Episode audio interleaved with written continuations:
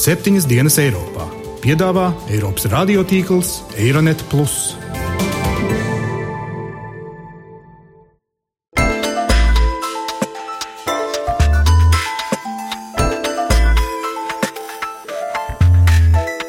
Šonadēļ septiņas dienas Eiropā dzirdēsim. ANO neatbilst 21. gadsimta realitātēm. Līdz ar to tātad ANO ir mazspējīga. Lielvalstīm ir savas intereses, ko tās aizsargā.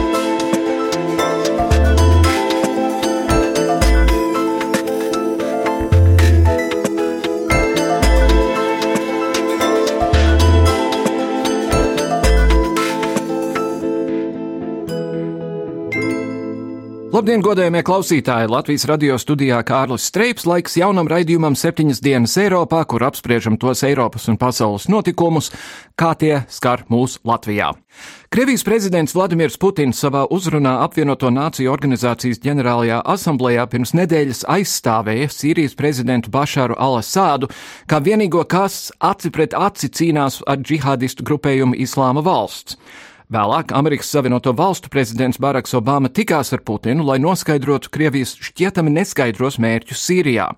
Šie mērķi tapa ļoti skaidri jau nākamajā dienā, kad Krievijas Federācijas padome piešķīra prezidentam atļauju izmantot valsts bruņotos spēkus ārvalstīs, un jau vakarā Krievijas gaisa spēki veica pirmos uzlidojumus Islāma valsts pozīcijām Sīrijā. Toties, atcaucoties uz Sīrijas opozīcijas sniegto informāciju, Britu raidsabiedrība BBC ziņoja, ka Krievijas gaisa spēki bombardējuši piecas pilsētas, kas nemaz neatrodas Islāma valsts kaujinieku kontrolē, un ka bojā gājuši vismaz 36 civiliedzīvotāji, to starp pieci bērni. Tālāk šodien raidījumā par pavērsieniem Sīrijas konfliktā un to, vai apvienoto nāciju organizācija savā 70. gada dienā uzklausīs kritiku un spēs mainīties, lai kļūtu par laikmetam atbilstošu starptautisku fórumu. Bet vispirms uzklausīsim dažus viedokļus par to, kāpēc Eģiptes prezidents Sisi apžēlojas daļu Alžēzīra žurnālistus, toties citus, tostarp Latvietu Pēteri Gresti, ne.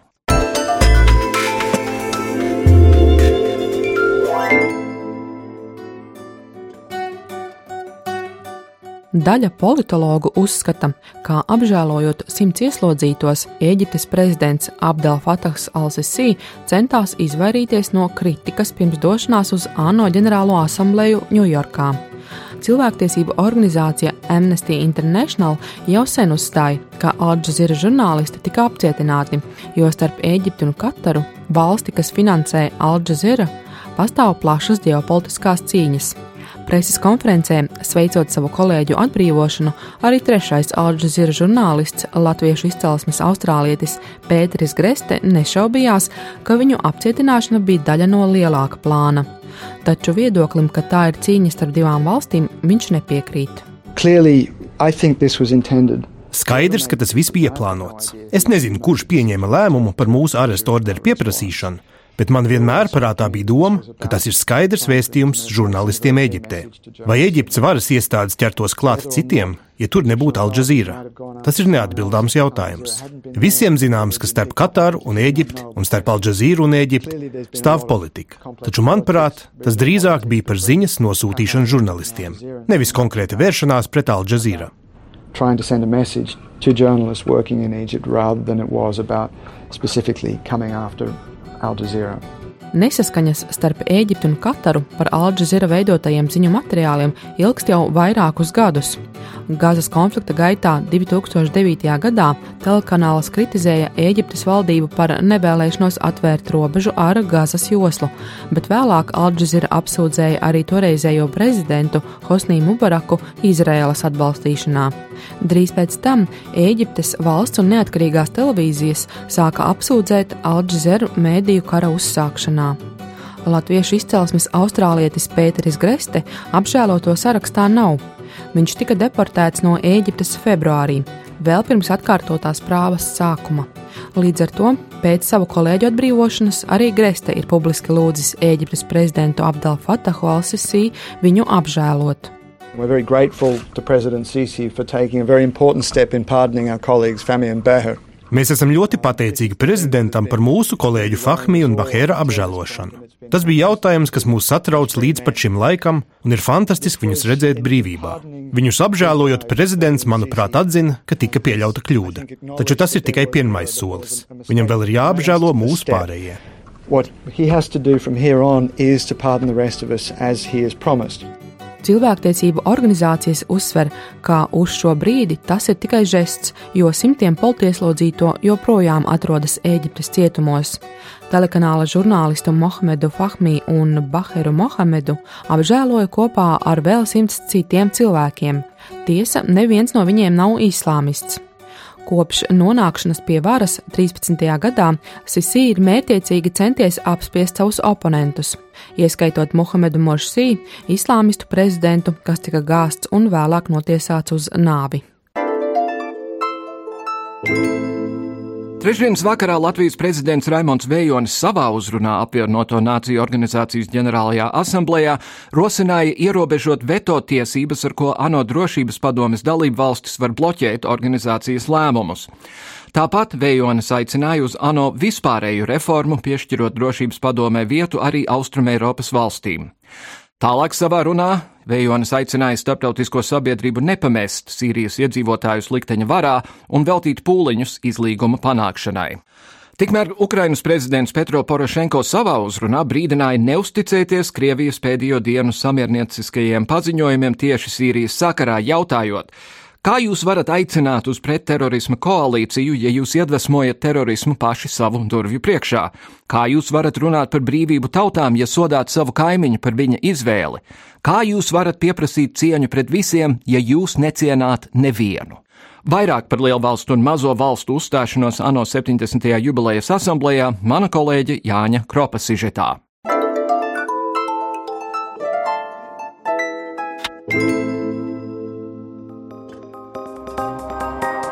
Apvienoto Nāciju organizācija ir dibināta 1945. gada rudenī ar mērķi vairs nekad nepieļaut tādu militāru konfliktu, kāds bija Otrais pasaules karš. Pagājuši ir 70 gadi kopš šīs organizācijas dibināšanas, un to ir skāruši vismaz divi milzīgi optimisma viļņi, kad pasaule cerēja, ka ANO būs starptautiskā miera garants, un arī divi skepticisma viļņi. Viens bija augstākā gados, kad ANO izmantoja kā PSRS un ASV cīkstēšanās ringu, bet otrs šķiet ir tagad pienācis, kad sākušās diskusijas, vai nav īstais brīdis reformēt apvienotās nācijas. Vēsturnieks Antonijs Zunda, kura viena no specialitātēm ir ANO vēsture, uzskata, ka jau pieklājīgajā organizācijas vecumā ieguvumi no ANO ir lielāki nekā zaudējumi. Tā nav nekāda brīnuma nūjiņa, no kuras prasīt vairāk nekā pašas valstis ir spējušas sniegt. Saistībā ar ANO vajadzētu atcerēties sekojušu tādu atzinumu, ka apvienoto nāciju organizācija tā nav kaut kāda brīnums svira, lai saglabātu mūžīgu mieru, novērst karus, konflikts, risināt smagas un sarežģītas pasaules mēroga ekonomisks, sociāls problēmas, tiesim, kā šodien tas ir bēgļu jautājums. ANO to mums vajadzētu atcerēties, var izdarīt tikai tik daudz, cik gatavs to ir valsts. Ja valsts nav gatavs to darīt, līdz ar to tad ANO ir mazspējīga. Apgalvojumam, ka ANO ir novecojusi organizācija, kas netiek galā ar mūsdienu izaicinājumiem, nepiekrīt arī Latvijas pārstāvis ANO vēstnieks Jānis Mažēks. Viņa prātā nopilda pat ļoti svarīgas funkcijas, gan kā vieta, kur valstu vadītājiem diskutēt, gan arī kur risināt drošības izaicinājumus. Vairāk par to stāsta Jānis Mažēks. Nē, tā gan nevarētu teikt. Tas, ka ANO pilda ļoti nozīmīgas funkcijas, tas ir skaidrs. Gan kā diskusija fórums, gan kā drošības mehānisms, caur drošības padomi. Gan kā visas ANO specializētās aģentūras, kas nodarbojas ar visnotaļ konkrētiem jautājumiem, piemēram, veselības aizsardzību, telekomunikācijas un tā tālāk. Taču vienlaikus ir arī skaidrs, ka ANO ne pilnībā atbilst 21. gadsimta realitātēm, jo šī organizācija, kas ir dzimusi pirms 70 gadiem, kad pasaulē bija 53 valstis, Un, piemēram, tādas institūcijas kā drošības padoma, kas nav ilgstoši reformētas, ir skaidrs, ka viņa nevar būt pietiekoši pārstāvīga tam pasaules valstu lokam, kāds ir šobrīd. Šobrīd vislielākās problēmas ANO efektivitātes saskatīšanā rada drošības padomu un tās veto balsojumi.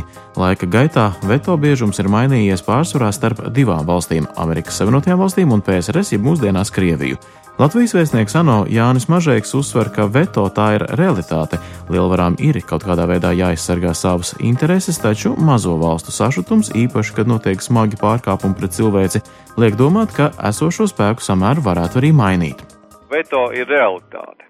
Jo jau tad, kad ANO veidoja, jau tobrīd bija lielvaru prasība, lai tām būtu šādas veto tiesības. No vienas puses visas valstis saprot, ka lielvalstīm ir savas intereses, ko tās aizsargā ar visiem iespējamiem līdzekļiem.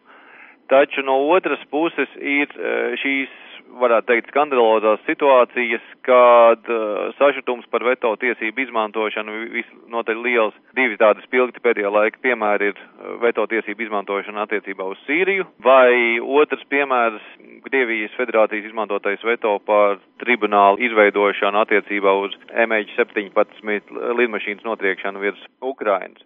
To varētu teikt, ka tā ir elpa lielvalstu pakausī. Tikmēr vēsturnieks Antonijs Zunda piekrīt, ka mazākām valstīm ir tādi kā morālie faktori prasīt lielāku ietekmi, taču esošā no kārtība savā ziņā ir arī visas pasaules kārtība, un to tik vienkārši izmainīt nevar.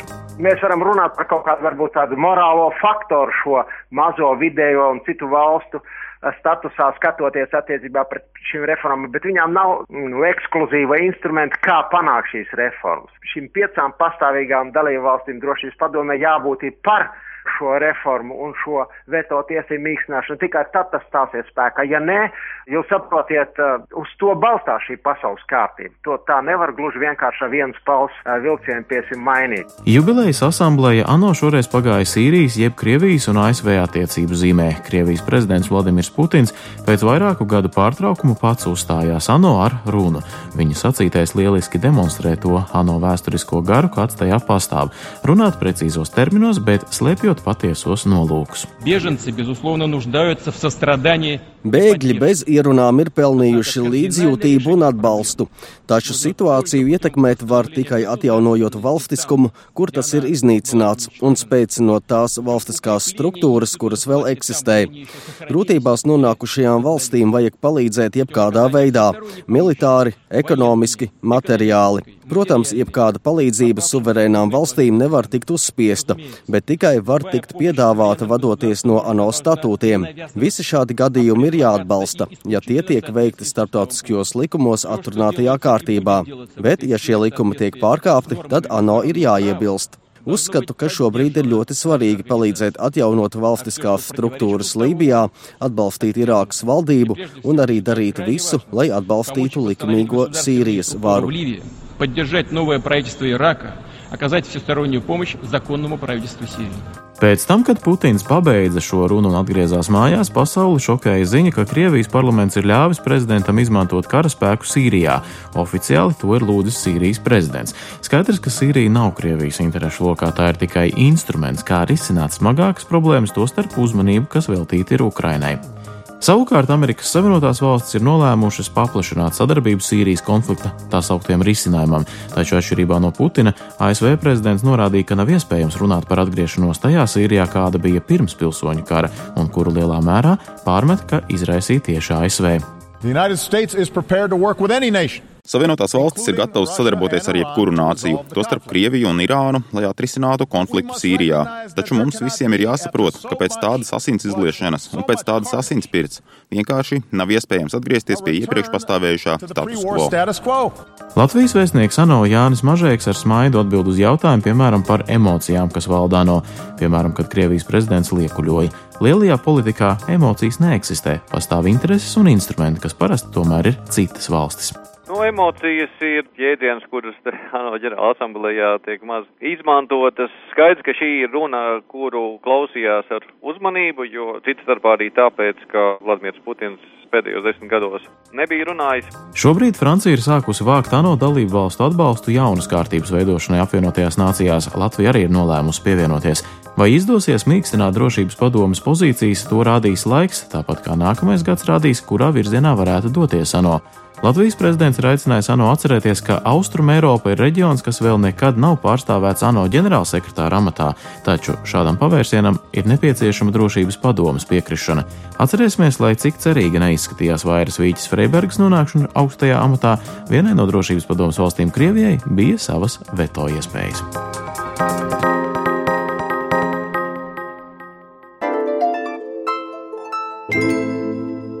Rietumu valstīm jau sen apnicis, kā Krievi un ķīnieši visu laiku bremzē ANO drošības padomes darbību, ir dzirdēti viedokļi, ka, ja ANO nespēs reformēties, tad tā arī neizdzīvos, jo tad tiks meklēti citi starptautiski fórumi, kas atvieglotu globālo konfliktu risināšanu pēc rietumu ieskatiem. Lai noskaidrotu, vai šāds risinājums ir vēlams un vai ANO spēs mainīties, esam vērsušies pie Starptautisko pētījumu centra izpildirektores Gundas Reires. Labdien, Reiras kundze! Sāksim ar šādu jautājumu. Šķiet, ka šogad vairāk nekā jebkad iepriekš dalību valstis ir sākušas runāt par to, ka ir jāreformē tas process, kas notiek drošības padomē, un, ja es pareizi saprotu, 70 kaut kur valstis ir parakstījušas aicinājumu, bet viņu starpā ļoti konkrēti nav ne Amerikas, ne Krievijas, ne Lielbritānijas, ne Ķīnas. Kas tur varētu notikt, Jā. jūsuprāt? Manuprāt, tur tāpat kā iepriekš nenotiks tieši nekas jo lielākais vilnis ar aicinājumu reformēt ANO notika jau pirms laba laika, saistībā ar pirms desmit gadiem, saistībā ar ANO 60 gadi. Un toreiz pat mūsu valsts prezidents Vairvīķa Freiberga bija ANO īpašā sūtne reformu jautājumos, un tur bija milzīga Kofija Anana pakete, kur arī ietvēra dažādus ekspertu izstrādātus modeļus ANO drošības padomas reformēšanai. Tomēr tas viss beidzās tieši ar nulle rezultātu.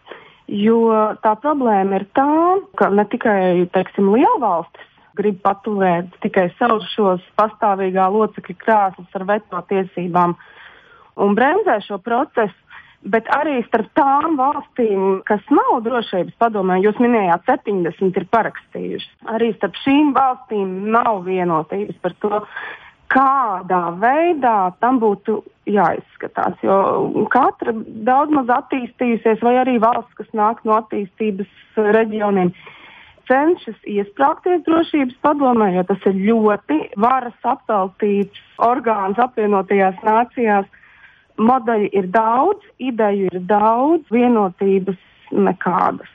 Bet vai no tā izriet, ka būtībā apvienoto nāciju organizācija un it īpaši drošības padomi ir kļuvušas diezgan bezjēdzīgas? Tur var papļāpāt, padebatēt, bet gal galā nekas nenotiek. Nē, tam gan es nevarētu piekrist. Protams, ka ANO ir virkne milzu problēmu, un ANO drošības padomes veto kā tāds nedemokrātisks elements ir labi zināma lieta, un tā ir iedzimta lieta. Jo pētot vēstures dokumentus, mēs varam konstatēt, ka veto bija tas iemesls, kāpēc lielvaras vispār varēja sanākt kopā un šo organizāciju dibināt. Vārds sakot, mēs pasargāsim savas intereses šajā kontekstā. Jā, tas bija, bet ļoti, tur, tur bija ļoti precīzi pateikts, lai nenotiktu militāra darbība, ja teiksim, kādas no šo piecu lielvaru interesēm. Tas bija ļoti arī atklāts un precīzi definēts. Bet es tomēr gribētu teikt, ka lai arī drošības padomē šis veto darbojas un joprojām tiek izmantots, jāsaka, ka, protams, daudz, daudz mazākā mērā nekā to mēs vērojām augstākā kara laikā. Tomēr ANO ir ļoti daudz arī plusu vai to, to pozitīvo. Uh, Jo pirmā kārtā manā ir tā, kas ir gan veidojusi, gan joprojām turpina veidot starptautisko tiesību sistēmu, attīsta normas. Nevajag aizmirst, ka tieši ANO ir tā, kas būtībā likvidēja šo starptautiskajās tiesībās un pasaulē valdošo principu par valsts svētajām tiesībām uz karu mm -hmm. un spēka līdzsvara principu un kolektīvās drošības princips tomēr nāk no ANO. ANO ir tā, kas sāka un pabeidza dekolonizācijas procesu. ANO ir tā, kas ir sākusi cīņu. Droši vien šī cīņa būs ilga, bet tomēr pret nabadzību, par sieviešu bērnu tiesībām, bēgļu tiesībām, -hmm. izglītību pasaulē. Un beigu galā, vai arī ar to vajadzēja sākt, ANO ir vienīgā organizācija pasaulē, kas autorizē spēka, militāru spēku lietošanu pasaulē. Ja vien tā, kāds to ņem vērā. Jā, un tā ir šī brīža lielākā problēma. Jo rietumi vai rietumu pasauli, kā mēs to varētu teikt, šobrīd šo ANO noteikumus un ANO kā autorizējušo spēku ievēro un, un, un respektē. Un tātad tajā brīdī, kad vēlas lietot spēku, tomēr meklē šo ANO mandātu. Turpretī Krievija pēdējā laikā, kā mēs varam vērot, tātad rīkojas droši, bez ANO mandāta, pat, pat nesāk to meklēt. To mēs varam redzēt uh, Ukrainā, un to mēs nu pat varējām redzēt Sīrijā, kad tātad uh, Krievijas sāka militāri uzbrukt uh, Asada pretiniekiem. Vienlaikus amerikāņiem Jā. pasakot, būtu labāk, ja jūs savas lidmašīnas vestu prom no Sīrijas. Jā, jā tieši tā. Un, un vienlaikus es gribētu teikt, ka tas, tas moments man atgādināja Minska divi miera sarunas. Jo tieši iepriekšējā dienā Putins bija uzstājies ANO ģenerālajā asamblējā un piedāvājis plašu koalīciju cīņai pret uh, ISIL. Un nākamajā dienā viņš uzbrūk, bet nevis ISIL, bet opozīcijai. Jā. Tas ir tas pats, kas notika Mīnskas sarunās. Pa to laiku, kamēr norit sarunas par pamieru Mīnskā, Krievijas karaspēks virzās Debaļcevā un notiek šie, šīs sadursmes un militāra darbība. Tas ir kaut kas jauns. Bet eh, vai pēc jūsu uzskatiem, kas ir lielāka problēma attiecībā uz veto? Krievija ar savu patvaļu vai Ķīna, kura ir, ir histēriski pret jebkāda veida lielām pārmaiņām, režīma maiņu un tā tālāk? Ziniet, es teikšu citādāk, ka šobrīd lielākā problēma ir tā, ka rietumi nezina, ko ar to darīt. Jo šobrīd, piemēram, Vašingtonā, kur es eh, šobrīd atrodos, un Vašingtonā ir tagad seši no rīta un viss tikai mocās, tātad notiek CEPA milzīgs fórums. Tātad CEPA ir Eiropas politikas analīzes centrs, un šeit piedalās arī vakardien bija mūsu prezidents un, un bijusī prezidenta Vairvīģa Freiberga, ārlietu ministrs, un ļoti, ļoti augsta līmeņa sarunas. Un bija pat vērojams starp atsevišķiem līderiem, tie nav Baltijas līderi, arī starp ekspertiem tāds manāms spriedze, izmisums un vēlme ātri kaut ko izdarīt, kas ved pie idejas par to, ka viss ir jāmet malā, starptautiskās tiesības ir jāmet malā, visi šie likumi ir, ir jāsāk lietot spēks. Bet tas nozīmē, nu, es domāju, ka tas ir tas, ko arī šī Krievija gaida, lai mēs paši sagrautu ar savām rokām to starptautisko kārtību un tos principus, uz kuriem tā balstās bez viņu palīdzības. Bet tas, tas nozīmē patiešām arī beigas visai tai sistēmai, kādā mēs šobrīd dzīvojam. Jo droši vien, ka ir jāmeklē tomēr tie līdzekļi, tajā virzienā, kā atbildēt Krievijai, kā kontrolēt situāciju tomēr ar leģitīmiem un likumīgiem līdzekļiem. Jo, piemēram, lai gan Krievija proponē, ka sankcijas ir nākušas par labu viņu ražotājiem un, un, un viņi no tā necieš, eh, tomēr viss analīze liecina, ka sankcijas ir iedarbojušās. Mm -hmm. Tas, starp citu, ir interesants jautājums. Gan drīz liekas, ka Krievija nelasa starptautisko presi, jo viņi nāk turpināt ar visādiem apgalvojumiem, piemēram, tad, kad eh, viņi bombardēja Sīrijā un nogalināja lielu skaitu civiliedzīvotāju. Vienīgā reakcija no Lavrova ārlietu ministrijā bija: mums nav tādu datu. Un viņi aizmirst, ka mūsdienās satelīti redz visu ko pēc kārtas, gan Austrum Ukrainā, gan arī tagad Sīrijā. Uh mhm. -huh. Tā ir propaganda. Tā ir tīra propaganda, lai turētu savu sabiedrību, nu, tā teikt, mierīgu un, un tajā virzienā, kādā viņi to vēlas redzēt. Un man gan jāsaka, ka viņiem arī tas izdodas. Jo jaunākie Latvijas centri, tātad tas ir sabiedriskās domas pētījumu centrs Krievijā, kurš nav proputinisks, un tātad jaunākie pētījumi liecina, ka Krievijas sabiedrība neredz rietumus kā partneri. Ir milzīgs tad, atbalsts Putinam kā līderim. Piemēram, Krievijas iekšējās problēmas tiek uzskatītas par daudz, daudz mazākām problēmām nekā tas, kas notiek Eiropā vai kaut kur citur. Tātad ar šīs propagandas palīdzību ne tikai tiek ietekmēti prāti Baltijā vai Eiropā, bet ir milzīga atsevišķa propagandas līnija, lai turētu kārtībā savu sabiedrību. Tie cilvēki, kuriem jūs esat un plašākā nozīmē, kā pasaule pat labam uztver to faktu, ka būtībā pat labam Krievija bombardē tos spēkus, kurus atbalsta konkrēti Amerika ar savu koalīciju, kas nozīmē gandrīz vai tādu proksī kāru, kāds bija augstā kara laikā, ja, kas šaka Jā. dēļa uh, spēlē sīrieši, bet uh, kauliņus vada amerikāņi un Krievija. Es gribētu teikt, ka šobrīd tiek aktīvi meklētas atbildes. Kā jau es teicu, dažviet ir manām zināma trauksme un, un vēlme steigties ar atbildi un meklēt vienkāršākos līdzekļus.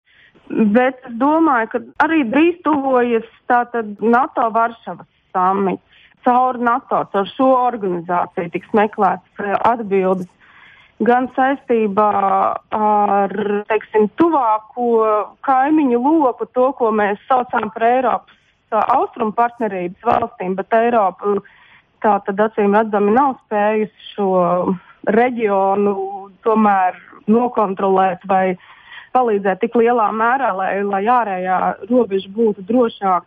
Tātad šis jautājums tiek arī meklētas atbildes kā lai atbild šiem hibrīda draudiem vai, vai ko darīt situācijā, ja NATO 5. pāns klasiskā veidā nav iedarbināms. Tā tad ir idejas par to, ka ir, ir tomēr jāpaplašina un jāpārskata šis draudu jēdziens vai draudu izpratne, jo pasaule ir mainījusies. Līdz ar to ir arī jāpaplašina NATO 5. panta Un atgādināsim tātad klausītājām, NATO piektais plāns ir šī trīs muskatieru princips, visi par vienu, viens par visiem. Tātad uzbrukums vienai ANO dalību valstī tiek uzskatīts par uzbrukumu visai aliansai.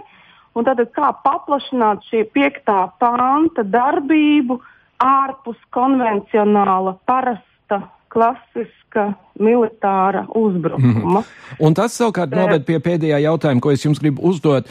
Ir, da, ir runāts Latvijā par to, vai tas, kas pat labi notiek, papildina vai samazina Latvijas drošības intereses. Tādā nozīmē, ka Krievija tagad ir pievērsusies kaut kam citam, bet no otras puses arī rietumpasauli ir pievērsusies kaut kam citam nekā mums. Ziniet, es domāju, ka Latvija var justies militāri droši. Tātad pirmkārt NATO spēki ir izvietoti Latvijā. Latvija ir Eiropas Savienības un NATO ārējā robeža, un to abas organizācijas apzinās.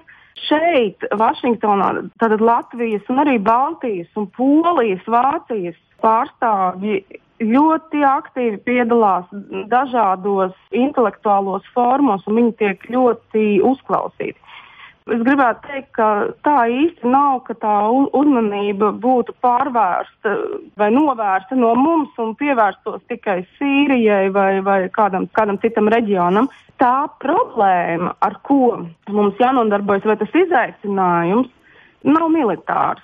Tas ir drīzāk saistīts ar sabiedrības domu un sabiedrības uztveri, jo mums ir jāveido tas, ko angliski sauc par resilience Tātad spēja pretoties naidīgai propagandai, spēja pretoties antidemokrātiskiem uzskatiem, un līdz ar to tas garantē sabiedrības un arī politisko stabilitāti. Tas ir svarīgi Latvijā, Lietuvā un Igaunijā. Un tad teiksim, lai nu tā izdodas. Starptautisko pētījumu centra izpildirektora Gunda Reire. Paldies jums liels par sarunu. Paldies, kas piezvanījāt.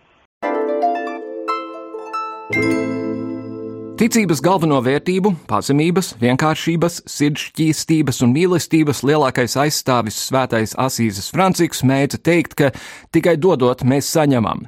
Mēs septiņas dienas Eiropā arī pazemīgi ticam un mīlam vienkāršību. Vai Latvijas katoļu draugs gatavojas atsaukties pāvesta Franciska aicinājumam katrai Eiropas draudzēji uzņemt kādu bēgļu ģimeni? Komentē Rīgas Svētās Marijas Magdalēnas priesteris Andris Kravalis. Latvijas katoļu baznīca pieder visai universālai baznīcai, un tā ir tās daļa. Protams, mēs arī uzmanīgi sekojam to, ko pāvests mums mudina darīt, un arī arhibīskaps Zbigņevs Stankevičs jau vairāk kārt bija izteicies par to, ka mums ir jāatver durvis, jāpastiep roka tiem, kas ir bēdās, ciešanās vai nelaimē, un pāvests ļoti skaidri to arī pavisam nesen atkārtoja. Amerikas Savienotajās valstīs savā svētceļojumā, atgādinot, ka viņš pats nāk no imigrantu ģimenes. Protams, ir daudz nezināmā, bet uh, kristīgā mīlestība mums pieprasa nu, atvērtību, nepazaudējot savu identitāti, un uh, tie ir konkrēti soļi, bet nu, nepietiek, ka kādi citi nodarbojas. Jautājums skar tieši mums, vai, piemēram, es kā draudzes prāvis esmu gatavs uzņemt cilvēkus, vai viņi jutīsies labi, ko viņi šeit darīs. Un, manuprāt, tieši tādā veidā mēs varam pierādīt tuvāk mīlestību.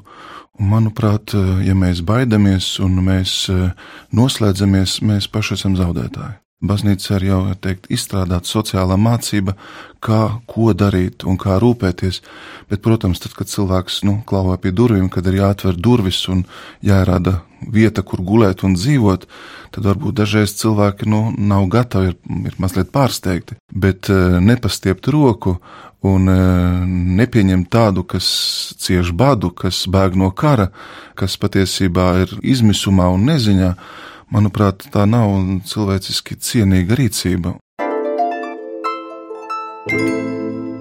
Ar to arī izskan šīs nedēļas septiņas dienas Eiropā. Nu, traki iet tajos tuvējos austrumos. Amerika tagad it kā pret Krieviju, Irāna turpa starpu, visādas organizācijas uz vietas Sīrijā. Turēsim īkšķus, ka veselais saprāts tur ar laiku uzvarēs un nebūs nepieciešams daudz plašāks karš. Līdz nākamajai nedēļai, dāmas un kungi, Kārlis Streips jums saka visu labu!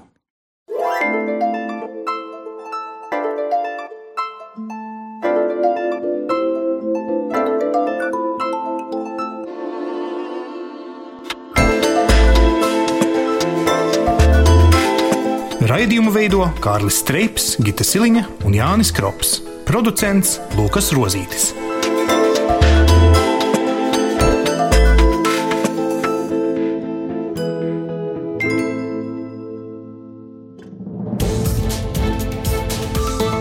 Visus Eironet plus sižetus un raidījumus meklējiet Latvijas radio mājaslapā.